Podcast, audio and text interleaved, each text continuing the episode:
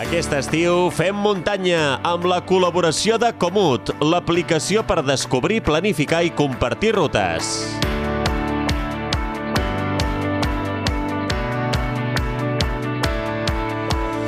Molt bones, Fem Muntanyeros. Benvingudes i benvinguts a tothom a les edicions estiuenques del Fem Muntanya. Aquest estiu ens ve de gust publicar capítols en un format diferent a l'habitual, amb converses amb persones relacionades amb la muntanya i amb els esports a l'aire lliure. Espero que gaudiu amb aquests eh, podcasts especials.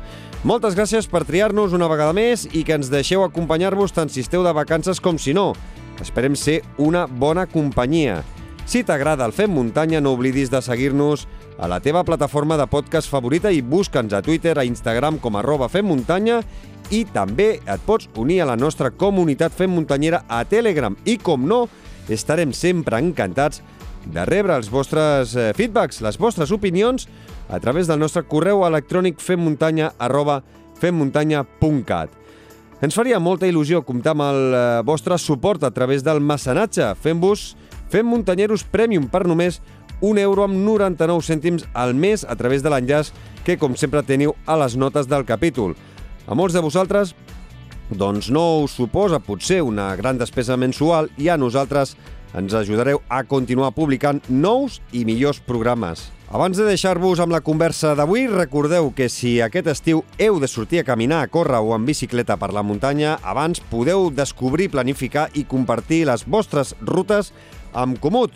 Podreu inspirar-vos amb les recomanacions d'altres usuaris per donar vida a les vostres sortides amb el senzill planificador i comenceu a explorar a la vostra manera. Comut us dona els detalls sobre el desnivell, el tipus de superfície i la durada de la ruta segons el vostre nivell físic, perquè et preparis per al que vindrà abans de la teva sortida. Descarregueu-vos Comut al vostre telèfon o entreu a comut.es.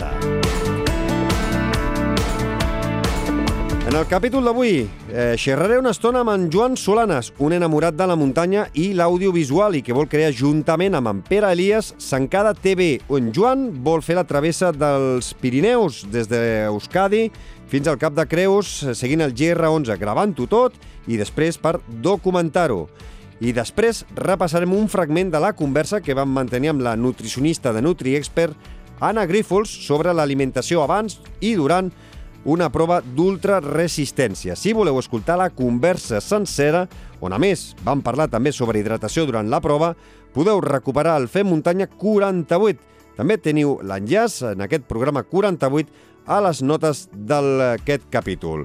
Nosaltres ara mateix el que farem és xerrar una estona amb en Joan Solanas.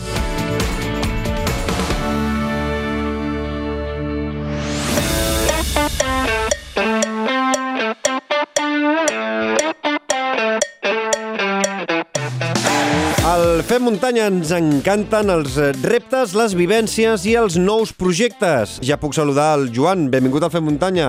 Bones, Xavi, què tal?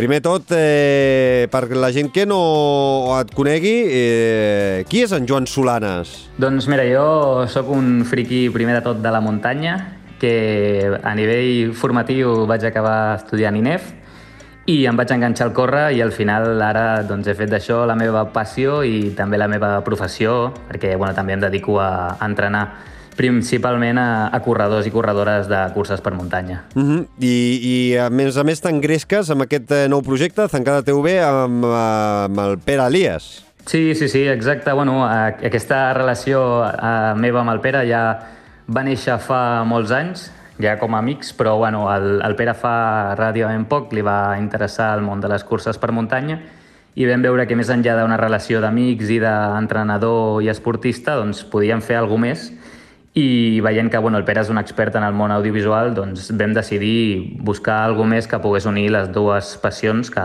que ens encanta i que bueno, al final està veient la llum ara, comença a veure la llum ara a poc a poc. Mm uh, amb Zancada TV, què, què és el que voleu fer? A qui, a qui voleu arribar? A tots els amants de la muntanya o a un públic encara una mica més extens? Doncs no, bàsicament és una miqueta... Ho parlàvem ara fora del moment de gravació, ens som uns friquis nosaltres, igual que tu, en el món de les curses per muntanya i, i llavors el que volem abarcar una mica doncs és bàsicament el, el, tota la gent que li mou aquest friquisme per l'esport outdoor, no?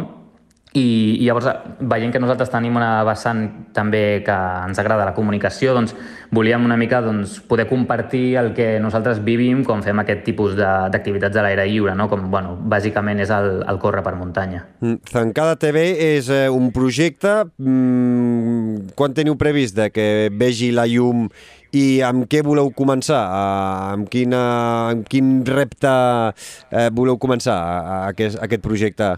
Doncs mira, Zancada TV és un projecte que ja hem començat a, a donar-li arrencada, llavors hem fet algunes entrevistes, hem fet alguns vídeos explicant doncs, algunes experiències en cursa, etc. però el gran, gran projecte que ens plantegem aquest any és fer la travessa dels Pirineus pel GR11 a, a peu, en modo trail, diguéssim, una miqueta eh, córrer, no tan hiking, no? I, i llavors a partir d'aquí, juntant-ho amb, amb la part més audiovisual, doncs podem acabar produint un documental de tota l'experiència, no? des de, inclús a ara mateix, que estem fent aquesta entrevista amb tu, fins al moment de l'execució del mateix repte en si, no? que serà cap al setembre d'aquest any. Mm -hmm. uh, llavors, uh, a veure, uh, comen voleu començar amb aquest uh, repte de creuar els Pirineus uh, pel GR11, que uh, des d'Euskadi fins al Cap de Creus, 840 quilòmetres, 45.000 de desnivell positiu, eh, entre 11 i 12 dies, no? Mm, quan teniu pensat fer la travessa? Doncs mira, la idea és fer-la del 2 al 16 de setembre. Aquestes són les dates i, i de fet, bueno, ja tenim certes coses que ja no ens deixen moure'ns massa d'aquestes dates, o sigui que haurà de ser aquestes dates sí o sí. I això? Com és que heu, heu posat aquestes dates? Per, eh, o sigui, per meteorologia o, o per permisos o per temes personals sí, vostres? Bàsicament, bueno, a part de que nosaltres Òbviament això és una passió i com tu bé sabràs no tenim tot el temps del món. Hi ha una part, òbviament, a nivell laboral doncs, que ens lliga, llavors eh, estem limitats en aquest eh, sentit, llavors és el que més ens encaixava i a part d'això bueno, també hi ha un tema sí, una mica més de meteorologia, una mica també de bueno, petites col·laboracions que hem tenim que, que també al final doncs, hem anat buscant i, i ha acabat tot confluint en aquestes dades, dates. Perdó. Mm -hmm. A veure, parlem una miqueta d'aquest repte que és eh, super interessant eh, i després ja us pregunto més a nivell tècnic o a nivell de, del documental final. Eh?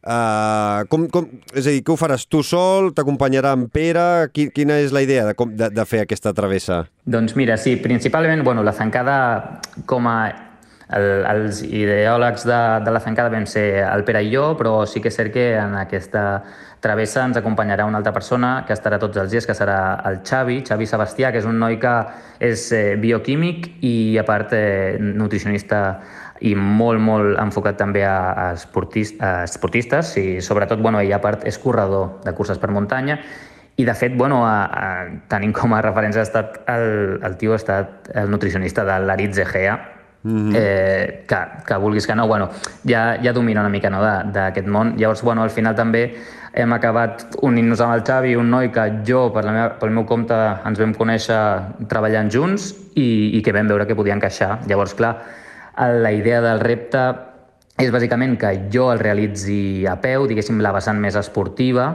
la part de la travessa en si, eh, dels Pirineus, però sí que jo tindré una assistència. Vale? Llavors, eh, tenim una col·laboració amb uns nois de, que tenen una empresa de lloguer de furgonetes que es diuen Wow Campers, i llavors mm -hmm. això ens facilitarà una mica el, el fet de poder fer aquesta assistència, perquè al final aquestes furgonetes que estan tan de moda doncs, és un lloc on pots dormir, on et pots dutxar, on pots cuinar, llavors realment això sí que ho haurà de conduir tant Pere com el Xavi, i al mateix temps doncs, preparar una miqueta de tema nutricional, eh, canvis de material, etc. Llavors sí que no seré jo sol, estarà el Pere i estarà el Xavi.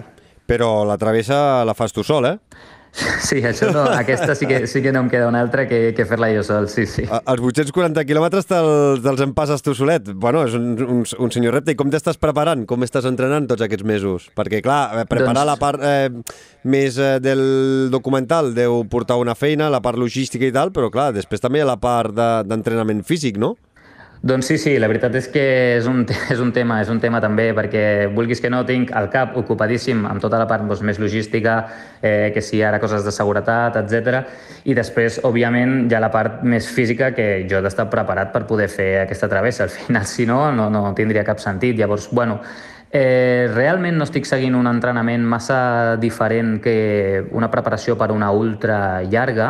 Sí que n'he fet algunes i, i res, ara per veure una miqueta l'estat en el que em trobava, vaig córrer una cursa que, bueno, em sembla que de fet has tingut entrevistes amb organitzadors, la, vaig córrer Bastions sí, eh, fa dos caps de setmana, si no m'equivoco, i, i res, bueno, bé, eh, era una cursa que, hosti, amb el desnivell que té i, i la distància que és, és força dura, que em va servir doncs, per donar-me una miqueta d'en de, quin punt estic. Llavors ara ens queden un parell de mesos ben bons per entrenar, on, on hauré de fotre-li bastanta canya.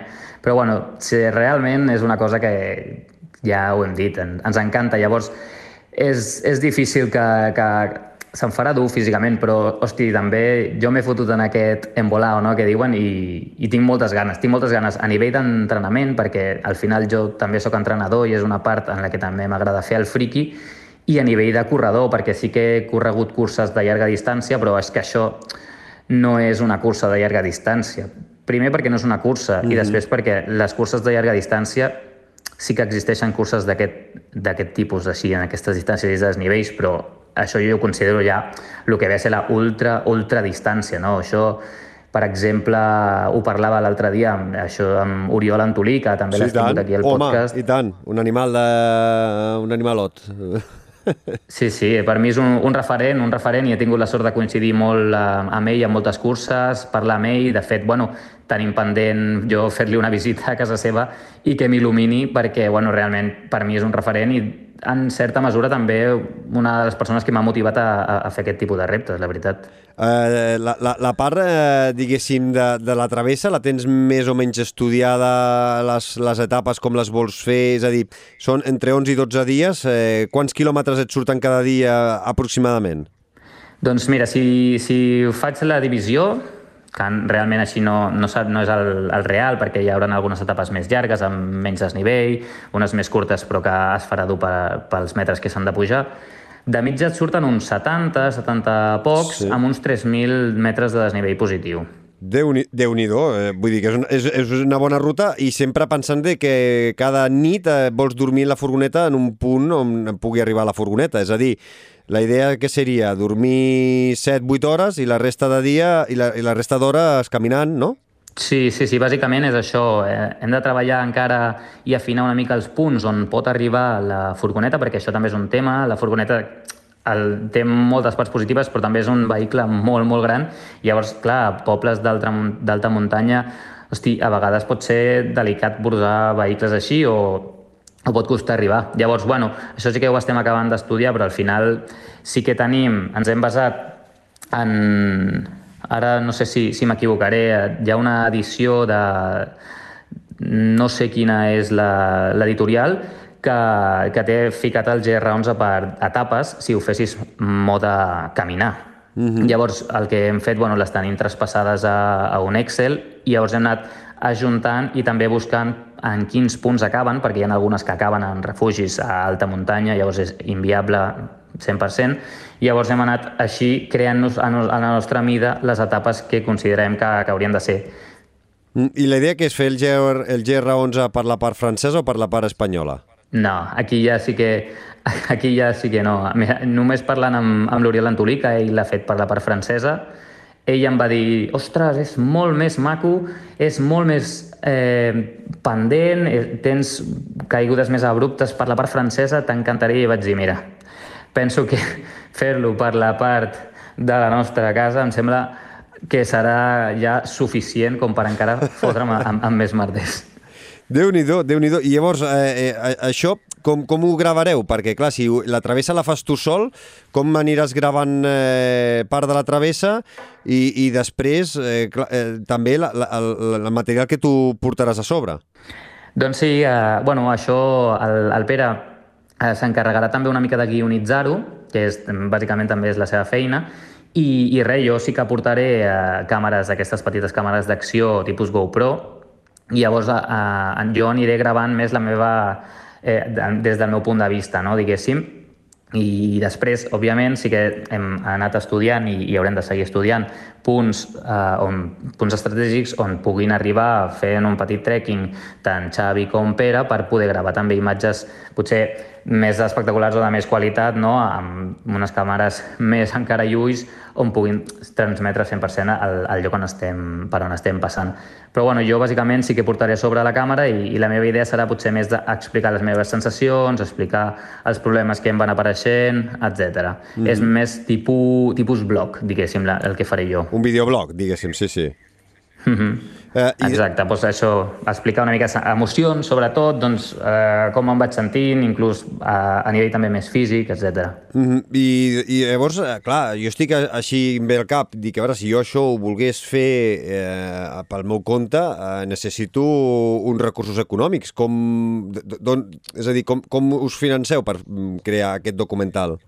Doncs, bueno, a priori, eh, bàsicament inicialment de la nostra butxaca, però sí que ara estem, estem començant a obrir un, un Berkami, ja deixarem el link per a algun lloc. Sí, eh, home, llavors, pots, allà... passa, pa, ens el pots passar i el podem posar a les notes del programa. Exacte, doncs ja ho faré quan, quan acabem, te, te l'envio. Eh, bàsicament això, eh, nosaltres és una cosa que fem per amor a l'art i llavors ho farem. Ho farem perquè ens ve molt de gust, però sí que eh, per a tota aquella persona que vulgui col·laborar doncs ho podrà fer des d'allà. Llavors, al final, doncs, una de les, ja sabeu com funciona això, una mica és, eh, tens una aportació econòmica, però tu també reps alguna a canvi. No? doncs, la nostra idea és aportar doncs, una miqueta d'això a nivell audiovisual, des d'alguns pòsters, imatges eh, impactants de la zona per on anirem a córrer, o després inclús doncs, això, una entrada, que la intenció que tenim és poder-ho passar en alguna petita sala, eh, i una, és una entrada doncs, per poder veure una mica en primícia el, el documental que haurem produït. Mm, I a, a part de veure-ho això en alguna sala de cine, en algun centre on es pugui veure, eh, per, a través d'internet, alguna plataforma de pagament també es podrà veure o teniu alguna cosa d'aquestes pensades o no? Doncs mira, la veritat, no, no, no ho hem, no, això sí que no, no ho havíem valorat. Realment, això creiem que ens portarà ja una feina, la realització del repte, una feina després de postproducció de, de tot el documental, i llavors no havíem ni pensat realment, però bueno, es podria, es podria estudiar. Mm, no sé, eh, ve a cap, per exemple, eh, que a través de Filming o Vimeo o altres plataformes eh, en el qual, doncs, segons a, a través del Verkami o a través de la gent que, que vulgui no, pagar pel veure el documental, doncs eh, pugui tenir una contrasenya i pugui veure-ho. No sé, és una idea que, que se'm passa a mi pel cap, eh? Doncs sí, no, no, és, és una molt bona idea. O sigui, realment mm, tenim mil coses al cap i no se'ns havia ni, ni ocorregut. També sí que és cert que una mica la nostra base o els nostres fonaments és una mica la difusió democràtica del, del contingut que podem fer i, i, i també potser doncs, en un futur deixar-ho penjat en algun lloc d'accés gratuït també ens sembla prou bé, perquè al final, vull dir, creiem que és una cosa que no és massa comú, sí que hi ha força gent que haurà fet el GR11, però poder-ho explicar i poder veure imatges i, i explicar l'experiència i viure-la des de pues, al sofà de casa teva també ho hauria de poder fer tothom i ens faria gràcia inclús, així que... Però bueno, sí, ho estudiarem perquè és, és una bona idea. Mm. I tens, eh, teniu, en aquest cas, el Pere i tu, eh, doncs, localitzats si algun altre documental d'aquest tipus eh, que expliqui el, el GR11 o seria el primer documental eh, gràfic eh, en el qual es pot eh, viure eh, i, i, i puguem gaudir dels paisatges i de la teva experiència eh, doncs, amb la travessa de, dels Pirineus? Doncs bueno, jo, jo fent el friki sí que he anat veient i sí que existeixen alguns, potser sí una mica més fet eh, doncs individualment, amb només la part que, que deia abans que, de la que m'ocuparé jo, que és de, de fer-ho tipus blog, però a més estan fets eh, en modo, modo, modo trekking. Llavors, en l'estil que en volem fer nosaltres i intentar mostrar doncs, una miqueta més la part doncs, nutricional, la part de l'entrenament, etc com a, com a tal no existeix cap. Llavors és, també era una cosa per la qual ens vam motivar a dir escolta, és que a sobre no existeix ningú que ho hagi volgut fer abans eh, i mostrar-ho al públic. Llavors, doncs sí, sí, en aquest sentit seríem els primers en fer-ho. I has, heu, heu començat ja a, a rodar eh, el que dius tu, la prèvia dels entrenaments, eh, per exemple, si has fet ara ja els bastions eh, de cara a començar aquest, a aquesta preparació, heu començat ja a rodar o, o encara no? Doncs sí, sí, sí, anem, setmanalment anem, anem gravant algunes cosetes, de quan ens reunim, el Pere i jo, reunions que fem, alguns entrenaments, i de fet, bueno, es podrà veure en breus al, al canal de YouTube de La Zancada, vam, vam vaig, això sí que va ser mode blog total, però bueno, és una part que jo també m'he d'habituar perquè jo a córrer sí que estic habituat, però um, ficar-me una càmera enfocant a, a la meva cara, això sí que és una cosa que encara em costa una mica, i els bastions, bueno, ho vaig fer, vaig portar, vaig portar la càmera i, i vaig anar ensenyant una miqueta també el que és una ultra per dins, no? Llavors, això sí que són imatges que anem gravant, la fem modoblog, la penjarem a la zancada, però bueno, d'aquí també extraiem material per, per al documental. Mm, ara estic al vostre canal de YouTube, Zancada TV, la trobareu, també podem deixar l'enllaç a les notes del programa i així doncs, eh, qui li interessi que entri al canal, que se subscrigui i pugui anar veient els clips de, de vídeos que aneu penjant i d'aquesta forma doncs, eh, que la gent eh, vagi veient eh, com va no, creixent, eh, com es va creant aquest eh, projecte i, i després ja veurem el documental sencer.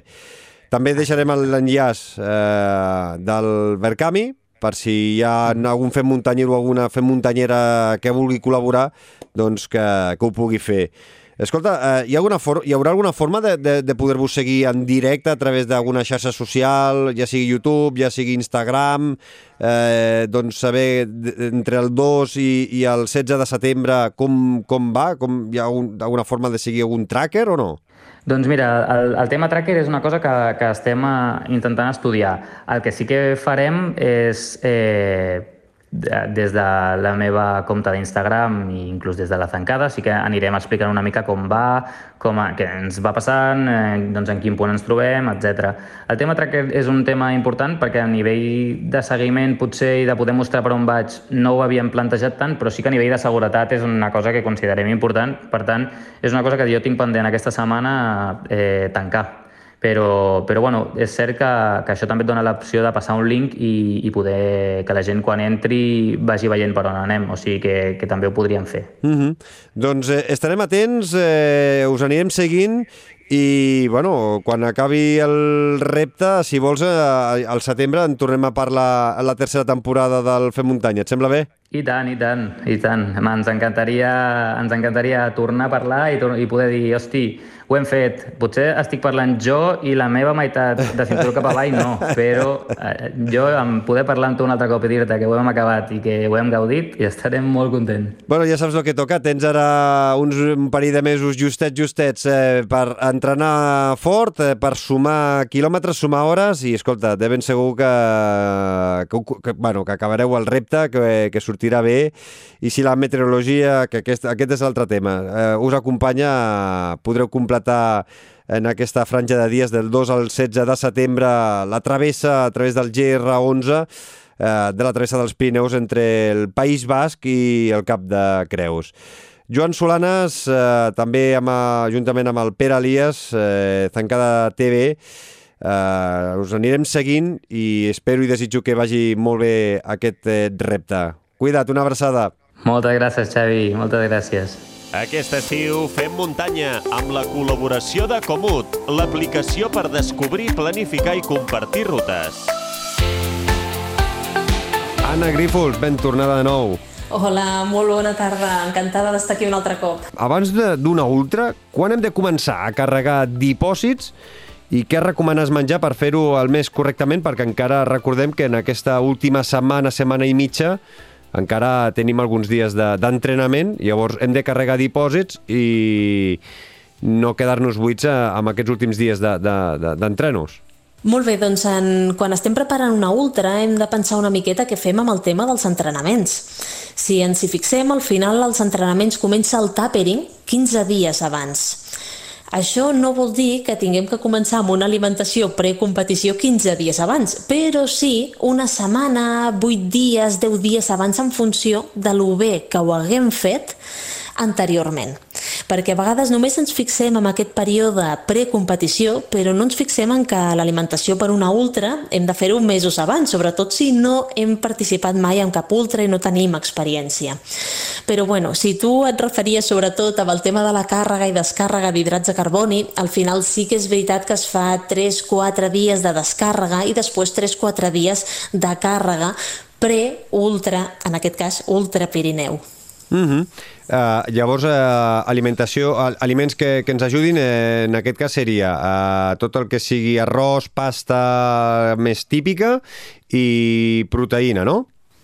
Bueno, eh, sí, o sigui, ens hem de centrar en aquest tipus d'aliments, però eh, la proteïna, com hem parlat altres vegades, que mm -hmm. l'any passat també ho vam dir molt, no ens podem passar tampoc. O sigui, la proteïna al final ha d'estar a la quantitat necessària, però sense excés, perquè un excés el que pot provocar-nos és una dificultat per digerir altres coses que sí que ens interessa carregar de cara a la cursa. Nosaltres no tenim magatzems de proteïna. La que no gastem l'estarem eliminant i el, per eliminar-la fem servir el ronyó i el fetge i això el que fa és que al final pues, sobrecarreguem més aquests dos òrgans tan importants en l'esport. A part d'això, vale, el que tu has dit, l'hidrat de carboni és super important, però tenint en compte que aquests 3-4 dies quan iniciem la dieta precompetició hem de baixar un 30-40% la quantitat d'hidrats de carboni i després els altres dies pujar-los. Això vol dir que els últims dies, sobretot els dos anteriors, doncs estaran molt carregats en hidrats i això pot fer-nos pensar que pujarem pes, però no, perquè realment, com que hem fet una descàrrega prèvia, simplement estem compensant i això ens ajudarà a omplir els dipòsits de glucogen d'hidrats de carboni al màxim. Mm -hmm. Molt bé, perfecte. Arriba el dia D, el dia de la cursa. Uh, comencem a, a fer les nostres càbales, els nostres plànings, la nostra estratègia mm, sobre l'alimentació durant la cursa. Llavors, uh, el primer dubte que m'entra, eh? quina quantitat de nutrients per hora necessitem menjar durant la, aquestes curses d'ultradistància? És a dir, quina quantitat de... quants grams hem de menjar d'hidrats, de proteïna, de fibra, de greixos eh, per hora eh, que dura aquesta cursa? Eh, Xavi, és una pregunta molt interessant vale? i molt complexa de respondre perquè cada un és molt individu individual i depèn també molt del sexe i de la capacitat que nosaltres tinguem de digerir els nutrients. T'explico, per exemple, si estem parlant d'un èlit, sigui noi o noia, sempre mm, tolera quantitats més elevades de tots els nutrients perquè precisament eh, entrenen molt i entrenen molt la seva capacitat d'estómac. Mm, els que som més amateurs a vegades no tenim tanta capacitat i volem imitar el cèlit i al final acabem amb mals de panxa. Vale? Llavors, hem de tenir en compte que una persona amateur o que fa esport per diversió, perquè li agrada, encara que tingui bons resultats, normalment no tolerarà, si és un home, més de 60-80 grams d'hidrats de carboni per hora. Però si és una dona, segurament no tolerarà més de 40-60 grams d'hidrats per hora. Vale? Això, aquesta diferència, que pot ser una diferència molt gran, perquè pensem que aquesta diferència de 20 grams o 40 grams són un dos gels a l'hora. Llavors, eh, això és perquè les dones tenim menys massa muscular. El que utilitzem i el que crema calories i glucogen al final mentre fem exercici és ni més ni menys que la nostra massa muscular. Llavors, ho hem de tenir en compte perquè amb menys massa muscular, menys necessitat també d'aquest hidrat que necessitarem durant la competició. No obstant, eh, hem de tindre en compte que els cèlit incrementen aquestes quantitats d'hidrats perquè també van a una intensitat molt més alta. Vale? Llavors, a més intensitat, més quantitat d'hidrats de carboni que cremem. Això vol dir que, clar, ells necessitaran més que nosaltres. Nosaltres, a l'anar a una intensitat una mica més baixa o molt baixa, vale? si fos en el meu cas seria molt baixa, doncs cre cremem més greix corporal. Això vol dir que tenim un marge més gran en el tema dels hidrats perquè també utilitzem moltíssim els greixos en el nostre cos. Llavors, Aquí la quan- pregunta... Sí, eh, llavors, a, a, a, quan, quan, també hem ens hem d'alimentar de greix durant eh, les 15-20 hores que pot durar la- l'Ultra Pirineu o, o amb els greixos que ja tenim al cos ja en tenim prou? Ah, aquest, aquest és el dubte que anava a comentar, molt bé, t'has avançat, perquè precisament és el que ens pot fer pensar, no?, això mateix que he dit. Però, clar, nosaltres tenim uns reservoris de greix molt alts. Si et fixes en un home, els homes teni, teniu, teniu entre 5 i 15% de greix com a mitja un 10%.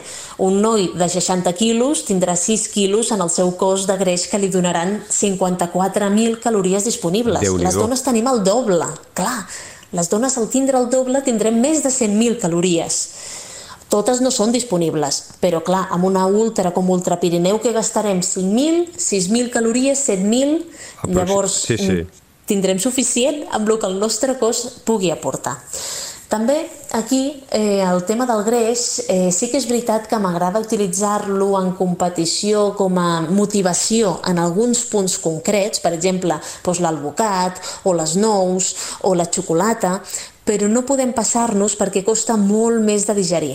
Eh, proteïna i fibra també n'hem de menjar eh, durant una ultra o millor proteïna i fibra deixar-la per després un cop eh, eh, creuem la línia d'arribada? Mira, mm, el que sí que hem de menjar són hidrats, perquè com us he explicat al final és el que cremem. Els greixos com a tema motivació en alguns punts puntuals, perquè costen de digerir, però la proteïna i la fibra també costen de digerir i la fibra no la utilitzem durant la pràctica esportiva. Per tant, pot jugar-nos una mala passada i si ens passem de fibra que al final tinguem que parar mitja carrera o tinguem una diarrea perquè no ens ha donat temps de digerir, de fer un bolo fecal com hauríem de fer. I amb el tema de la proteïna passa més o menys el mateix. Costa molt de digerir, eh, la sang en aquest moment no està mm, totalment en l'estómac, està sobretot en tot el que són els músculs que estan treballant i llavors també pot donar-nos problemes. Però la proteïna, en vez de portar-la de forma mm, pues, d'una quantitat molt gran, hem de pensar una miqueta si la utilitzem o no mentre estem en, competint. Eh, si nosaltres mirem la bibliografia científica, veiem que la proteïna s'utilitza en un 2-3%, o sigui, s'utilitza molt, molt poquet, i que el que necessitem realment són petits aports de BCAAs, d'aminoàcids ramificats. Llavors, en vez de dir, pues, escolta, que ara es- va ficar la moda durant un temps de prendre un recuperador a mitja competició, això porta massa proteïna. Si necessites, potser necessites 2, 3, 4 o 5 grams cada 4 hores. Pues escolta, això ho aportes amb BCAAs, amb pols o amb mm, píldores i llestos. Uh -huh. uh, ara ve potser una pregunta que molta gent uh, igual s'està fent. Uh, llavors, uh, a veure si ens pots recomanar 4 o 5 aliments que hem de tenir en compte i que la majoria ens pot funcionar i que tingui aquesta part d'hidrats, aquest, eh, aquesta petita... Bueno, part de greixos ho has dit, però sobretot que, que en general saps, per la teva experiència, que, que funcionen i que eh, hem de portar la motxilla sí o sí. Vale, aviam, ja, ja saps que jo sóc molt partidària de tot el que és natural, vale? no obstant, amb una ultra sí que és veritat que hi ha moments on potser un gel o una barreta més artificial ens pot salvar, perquè és més fàcil de, de mastegar i d'obrir en determinats moments. Però, eh, seguint la meva línia, que sempre sóc partidària de lo natural, us diria que coses que li van a quasi tothom bé és el codony. Hi ha els picos de codony que ja et venen en triangulets, que dos picos seria una ració. Això ho podem portar tots a la butxaca pràctic fàcilment. Pesa poc i té, molt, i, i té molt, moltes calories, no? Exactament, té molt de sucre, que això és el que necessitarem. Després, eh, jo sóc fan absoluta dels potitos de fruites de bebè flexibles. No els de vidre, que molta gent, quan els dic el primer cop, em diu ara, com porto el potito de vidre? Dic, Amb una no, home, cullera, no, també, te vas menjant amb una cullera. He de reconèixer Sí, que he, sí. he, he, he conegut aquests potitos flexibles eh, gràcies a les primeres converses que vam tenir la temporada passada i des de llavors eh, porto més vegades a sobre i consumeixo més potitos d'aquests flexibles de fruita, eh, ecològica, a més a més, que gels. Sempre és el que dius tu, sempre va bé tenir un gel per recurs, per, per un punt eh, eh, extra de- d'energia ràpida, però la veritat és que, la, com a mínim a mi em passa, eh? l'estómac eh, no es ressenteix, pots aguantar moltes hores amb aquests potitos i, i jo el recomano també gràcies a, a la teva recomanació de, de la temporada passada.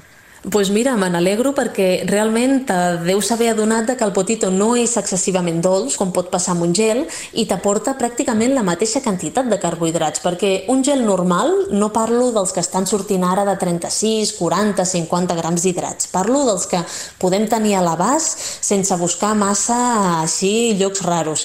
Pues són entre 18 i 25 grams d'hidrats. Llavors, més o menys, un potito es pot equiparar a lo que ens pot aportar un gel.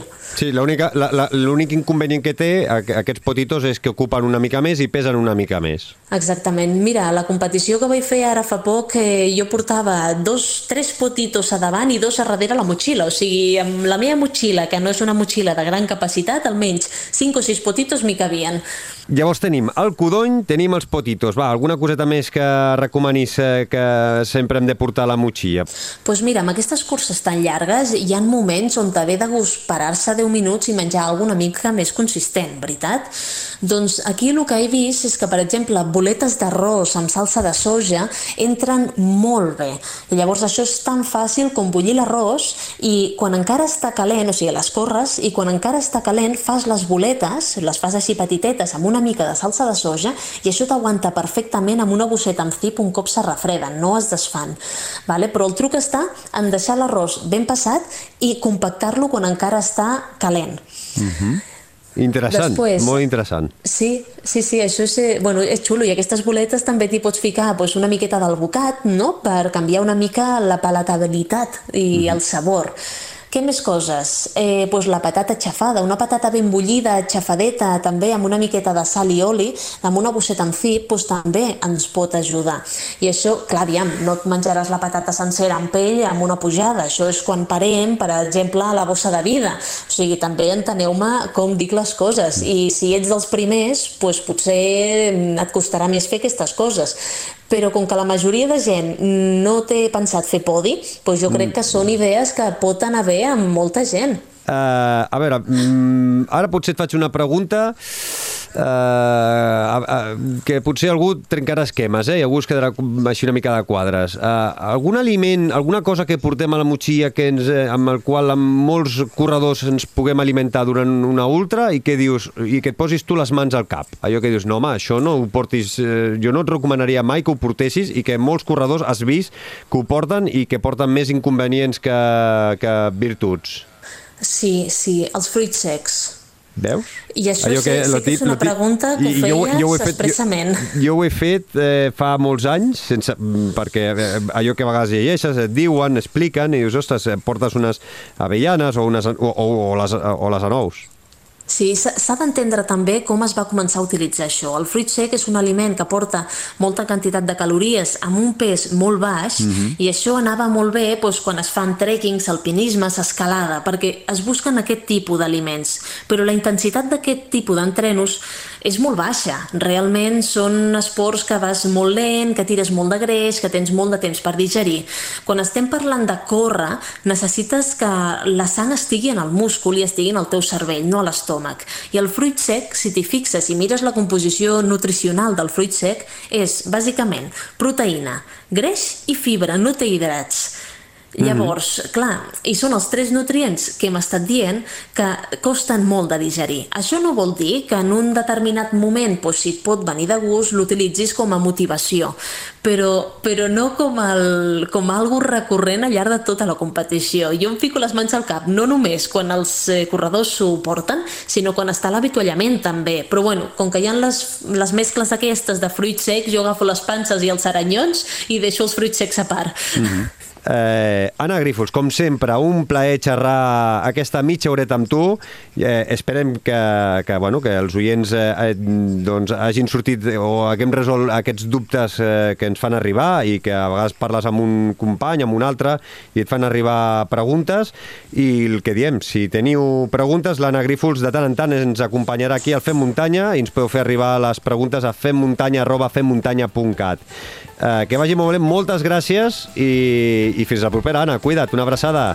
Moltíssimes gràcies, una abraçada. Aquest estiu fem muntanya amb la col·laboració de Comut, l'aplicació per descobrir, planificar i compartir rutes.